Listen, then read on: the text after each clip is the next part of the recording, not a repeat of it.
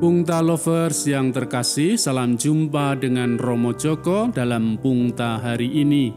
Pada peringatan wajib Santo Gregorius Agung, Paus dan Pujangga Gereja. Diambil dari Injil Lukas bab 5 ayat 33 sampai 39. Renungan kita berjudul Tuak Baru dan Anggur Baru. Di Kalimantan, setiap gawe pasti ada minum tuak. Ada bermacam-macam jenis tuak. Ada yang warnanya putih susu, tetapi juga ada yang berwarna coklat. Tuak dibuat dari fermentasi nira atau beras ketan yang dicampur dengan ragi.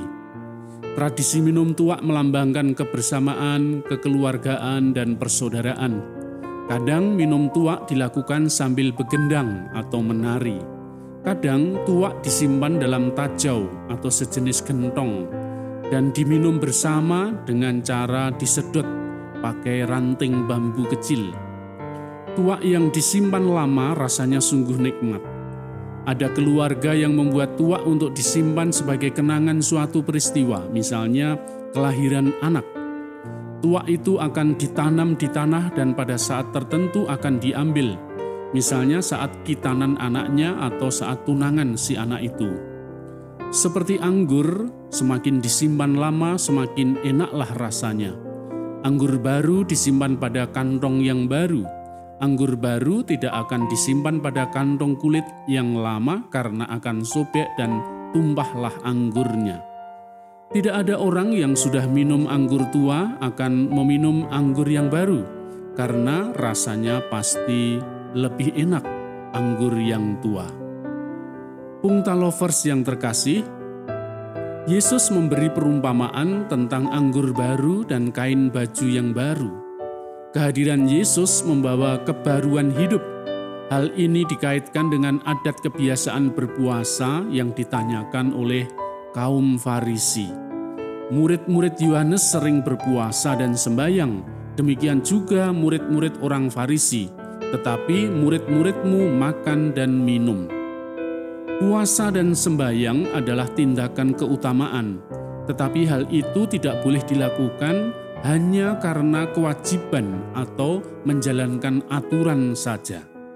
Apalagi hanya untuk dilihat orang agar nampak saleh, nampak suci.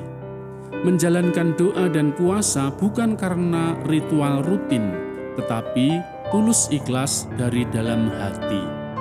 Apa artinya melakukan doa dan puasa kalau hanya terpaksa karena aturan, karena kewajiban, dan hanya memenuhi ritual belaka?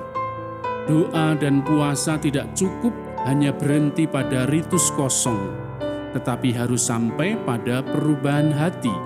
Tidak ada gunanya doa yang panjang-panjang jika kita juga berpanjang-panjang ngerasani atau ngegosipin kejelekan orang lain. Tidak ada gunanya berpuasa kalau setelah puasa kita makin dahsyat korupsinya. Cara pandang baru itulah yang dimaksud dengan anggur baru dan kain dari baju baru. Yesus membawa nilai baru dalam melakukan aturan doa dan puasa. Jangan terjebak pada ritus hampa dan kebiasaan yang mengikat, namun tidak ada usaha untuk bertobat. Doa dan puasa semakin menyucikan hati dan memperbaiki diri kita. Bahasa kita sekarang mungkin disebut revolusi mental. Mari kita berubah dan memperbaharui diri. Langit di atas kota nampak hitam berkabut, tidak ada sinar matahari yang berseri-seri Jangan berdoa dan berpuasa hanya karena takut, tetapi karena ingin bertobat dan memperbaiki diri. Sampai jumpa, salam sehat, jangan lupa bahagia, berkah dalam.